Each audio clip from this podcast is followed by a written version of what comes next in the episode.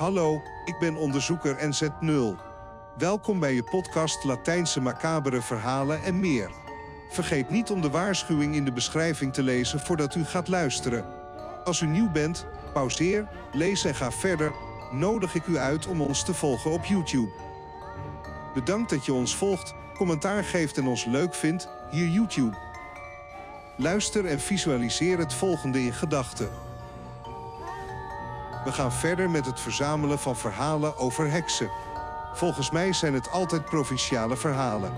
Ik denk van niet, aangezien dit geen gevallen zijn die zich alleen in een specifiek deel van het land voordoen, maar op nationaal niveau met verschillende overeenkomsten. Vuurballen, enorme kalkoenen, ouders die diep in slaap zijn en een groot aantal andere dingen die te horen zijn in verhalen uit zowel het noorden als het zuiden van Mexico. We beginnen met het eerste van de vijf verhalen in deze video. Ik herinner me dat ik jaren geleden mensen hoorde zeggen dat heksen graag kinderen zogen en als sommige kinderen een beetje bang waren, dacht ik dat ze dat alleen maar zeiden om ons bang te maken. Maar hij sprak met iemand die verzekerde dat dit verhaal waar was, omdat iemand die heel dicht bij hem stond getuige was van een soortgelijke gebeurtenis. Op een avond, terwijl iedereen al sliep, begonnen ze de baby van hun zwager op een heel vreemde manier te horen huilen. Omdat ze allemaal in hetzelfde huis woonden en geen reden konden vinden waarom de ouders niets leken te doen om hem te troosten en zijn huilen te bedwingen, besloten ze de kamer binnen te gaan. Toen ze de deur openden, zagen ze dat de ouders nog leken te slapen. Toen ze op het raam hoorden kloppen, zagen ze een zwarte bult naar buiten komen. Ze renden hem achterna en wilden hem tegenhouden, maar ze zagen niet waar hij heen was. Ze maakten de ouders wakker die niet werden gezien, maar het hele feit. Ze tilden het jongetje op dat onder het bed lag. De kleine jongen had blauwe plekken op zijn lichaam. De heks die uit het raam was gegaan zag hem zuigen. Iets soortgelijks als het bovenstaande overkwam een andere kennis, alleen deze keer met een tragisch einde. De baby werd dood aangetroffen, met veel blauwe plekken op zijn lichaam en toen hij dat knobbeltje uit het raam zag komen, kon de figuur van een vrouw worden onderscheiden die leek te zweven.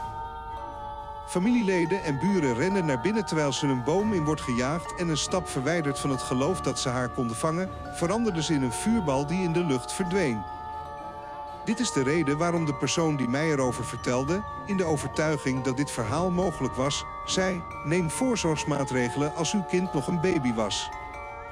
Daarom wordt aangenomen dat het, om het kind tegen elke aanval te beschermen, noodzakelijk is om een paar schaar in de vorm van een kruis onder het bed of de wieg geplaatst en zo voorkomen dat de heks nadert. Een vriendin vertelde me dat ze, toen haar jongste dochter werd geboren, naar de stad gingen, een kleine gemeenschap waar ze oorspronkelijk vandaan komt, aangezien haar nu ex-man in Canada was. Ze wachtte tenslotte op zijn terugkeer om de doop van het meisje te doen, twee weken na de geboorte van het meisje. In die andere woont hij daar en ongeveer drie weken later werd er nog een geboren. De grap is dat de dochter van mijn vriend al een maand en een week oud was toen er geruchten de ronde deden dat ze vlakbij een vuurbal hadden gezien. Mijn vriend geloofde daar niets van en zag er niets belangrijks in. Gelukkig deed zijn grootmoeder dat en die avond besloot ze de jongen mee te nemen naar haar kamer. Al in de vroege ochtend zegt hij dat hij tegen het raam begon te krabben. De grootmoeder pakte het meisje op en begon te bidden. Nu begonnen ze te horen dat alle muren werden gescheurd. Het was zo'n hard geluid dat iedereen in het huis wakker werd. Zus van mijn vriendin en haar man. En de andere twee meisjes van mijn vriend. Het moment kwam waarop de grootmoeder iedereen naar haar kamer riep en hen vroeg om met haar te gaan bidden. Hoewel het geluid verdween en de volwassenen niet sliepen om de wacht te houden en over de drie meisjes te waken, vooral over de baby. De volgende dag ging de grootmoeder het dak op om een spiegel op te hangen en kwam naar beneden met wijwater. En aangezien het een gemeenschap is en zij niet de enige waren die het slachtoffer waren van dit soort aanvallen, stuurden ze een boodschapper naar de priester van de dichtstbijzijnde stad om de baby's zo snel mogelijk te dopen. Dat zou de volgende zaterdag zijn. Wat ik je vertel, gebeurde op woensdag en donderdag. Opnieuw waren er geluiden te horen, maar deze keer krabden ze aan de ramen. Ze waren te horen op het dak, ze hoorden het glas breken en terwijl de vrouwen aan het bidden waren, kwam de zwager naar buiten met een kapmes en een alarm. Dat de heks daar was. Onmiddellijk kwamen enkele buren naar buiten met hun eigen kapmessen. Ze zeggen dat heksen bang zijn voor puntige voorwerpen en daarom plaatsen ze een schaar of een paar spelden in de vorm van een kruis. Ze probeerden de heks te achtervolgen die in een vuursfeer veranderde en vluchtte vandaar. Toen ze die ochtend gingen kijken naar de spiegel, die inderdaad al helemaal kapot was en over het hele dak verspreid lag, legden ze hem in zout water. Mijn vriend vertelde me niet wat ze er nog meer mee deden. Die nacht kwam de heks niet opdagen. Zaterdag zijn alle baby's gedoopt en tot nu toe vertelt hij dat toen hij weer naar de communiteit moest, er niets meer van die heks is gehoord of gezien. En ik wens dat je zo doorgaat. Hoewel heksen zich in sommige plattelandsgebieden niet meer manifesteren zoals voorheen. Veel mensen blijven rituelen uitvoeren om zichzelf te beschermen tegen de macht van de kwade krachten van heksen, waarbij ze meestal de verhalen volgen die van generatie op generatie worden doorgegeven. In een stad genaamd Bermeo, in de staat Durango, vertellen sommige mensen bijvoorbeeld het verhaal van een kleine jongen die door heksen werd doodgezogen toen hij iets meer dan zes maanden oud was. Ongeveer 40 jaar geleden was de kleine Jezus niet gedoopt, dus hij was erg kwetsbaar voor aanvallen door heksen. Een van zijn oudere zussen zegt dat hoewel de verklaring voor Jezus dood verstikking of wiegendood is, er op de avond dat haar broer stierf veel vreemde gebeurtenissen plaatsvonden. Die nacht hoorden de buren van het huis aan de overkant, die heel dicht bij de familie van Jezus stonden, een heel luid gefluit. Koningen. De vrouw des huizes was aan het bidden toen het fluiten begon en ze zei dat toen ze ophield met bidden en ze zich erg slaperig begonnen te voelen, ze met grote moeite het raam bereikte en dat zag op het plafond van de kamer waar Jezus met zijn moeder sliep er waren vier uilen. Eén in elk van de hoeken van het dak en ze bleven allemaal bidden, maar konden niet opstaan. Ze schreeuwde tegen haar man die sliep om haar te helpen. In haar dromen luisterde haar man naar wat er gebeurde, maar kon niet volledig wakker worden. Het leek alsof het gefluit de mensen die in hun bed lagen in een diepe slaap wiegden. Na een tijdje hielden de uilen op met fluiten en vlogen langzaam weg. Reyes kon opstaan en rende om haar man wakker te schudden. De twee gingen aankloppen bij de deur van Jezus' familie. Reyes zei dat ze zo hard klopte dat het leek alsof de deur zou vallen. De ruiten in de kamer van Jezus braken bijna door de slagen. Maar moeder Jezus kon niet wakker worden. Toen hij eindelijk wakker werd, openden de vrouwen de deur, nog steeds erg slaperig. Reyes vertelde hem wat hij had gezien. Ze gingen naar Jezus toe. Het was te laat. Het kind was al dood. Roberto, de oudere broer van Jezus, die 22 jaar oud zou zijn geweest toen Jezus stierf, herinnert zich dat hij die avond terugkwam van een feestje. Hij zei dat hij een paar blokken terug, voordat hij thuis kwam, plotseling erg slaperig begon te worden. Hij kwam erg versuft thuis en viel uitgeput in bed in bed. Met alles en schoenen. Verhalen als deze zetten iedereen aan het denken over het bestaan van heksen en wat ze kunnen doen. Zelfs vandaag de dag is het in die stad gebruikelijk dat als een kind niet gedoopt is, het gezin s'avonds altijd een kaars aansteekt bij het kind en een glas wijwater om heksen af te weren. Ik ga je vertellen over iets dat mij in 2004 is overkomen. Ik woon in Metquietel in Apodaca. Toen ik hier kwam wonen, hoorde ik opmerkingen dat er veel heksen in deze buurt waren. Nou, dat jaar werd mijn dochter Rocio geboren. We hebben een huis met twee verdiepingen en in die tijd hadden we een kruidenierswinkel. Dus vanwege ruimtegebrek op de begane grond hadden we een wieg aangeschaft die de mogelijkheid had om gerepareerd te worden. Of het kon niet worden geschommeld. Die middag legde mijn man haar in de wieg terwijl ze al sliep en we waren beneden aan het praten toen er plotseling een geluid klonk alsof iemand tegen de muur sloeg. Toen schreeuwde mijn vrouw het meisje. We renden naar boven en zagen het meisje op de grond liggen en het slaapkamerraam stond open. Er was geen verklaring voor wat er gebeurde, aangezien mijn dochter nog maar negen dagen oud was en de wieg niet verplaatst kon worden. Als ik het me herinner, kan ik tot op de dag van vandaag geen andere verklaring vinden dat de heksen haar wilden meenemen. Mijn grootmoeder zei dat heksen nachts naar buiten komen. Ze veranderen in kalkoenen met grote vurige ogen, omdat ze een speciaal soort boten gebruiken om hun armen en benen te verwijderen, zodat ze zich es nachts kunnen omdraaien. Ze gaan op zoek naar pasgeborenen om op te zuigen. Ze nemen hun leven.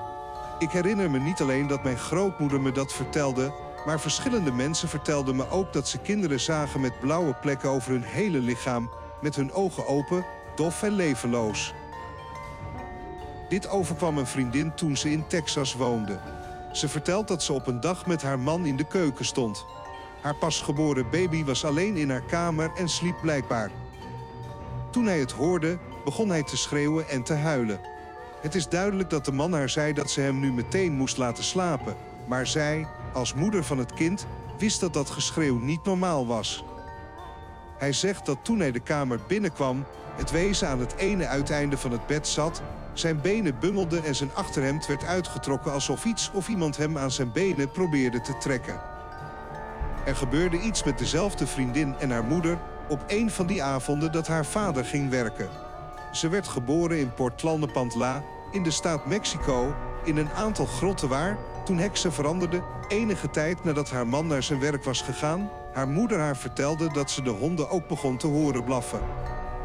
Klinkt als de wandeling van een kalkoen. Hij hoorde hoe hij dichterbij kwam en op de deur klopte. En dat niet alleen, het verdomde dier klom over het tinnen dak op zoek naar een manier om binnen te komen. De moeder wist dat je, om heksen weg te jagen, een metalen schaar open moet laten in het raam of onder het babybedje. En dat deed hij. Hij vond de schaar, zette ze naast een raam en begon heilige remedie te bidden. Want binnen enkele minuten vertrok hij. In de ochtend klonk het geschreeuw van een man met pijn en omdat deze man huilde, werd zijn eenjarige kind zuigend wakker. Deze man begon te schreeuwen verdomde heksen. Ze namen mijn zoon mee om te zien hoe mijn dochter zuigen.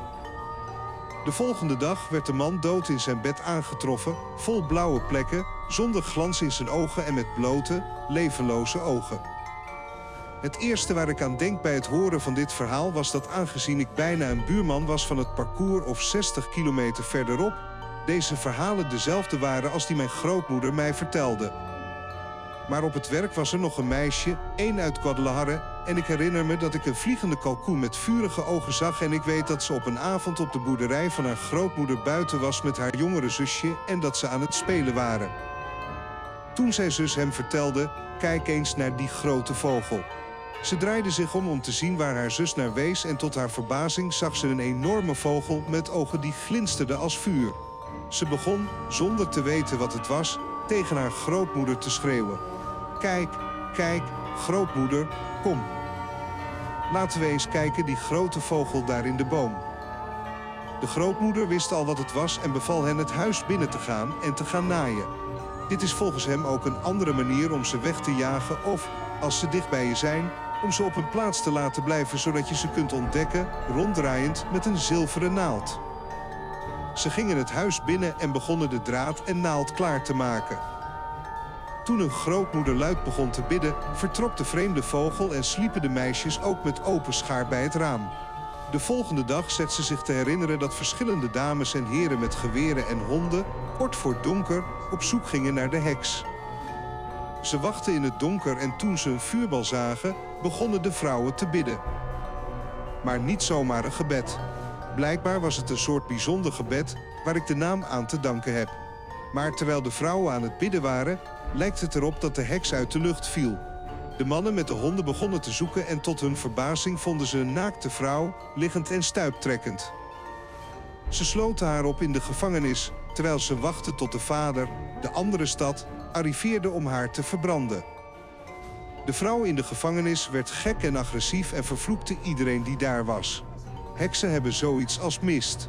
Het is als een spreuk waardoor je in een diepe slaap valt. Daarom luisteren veel mensen niet.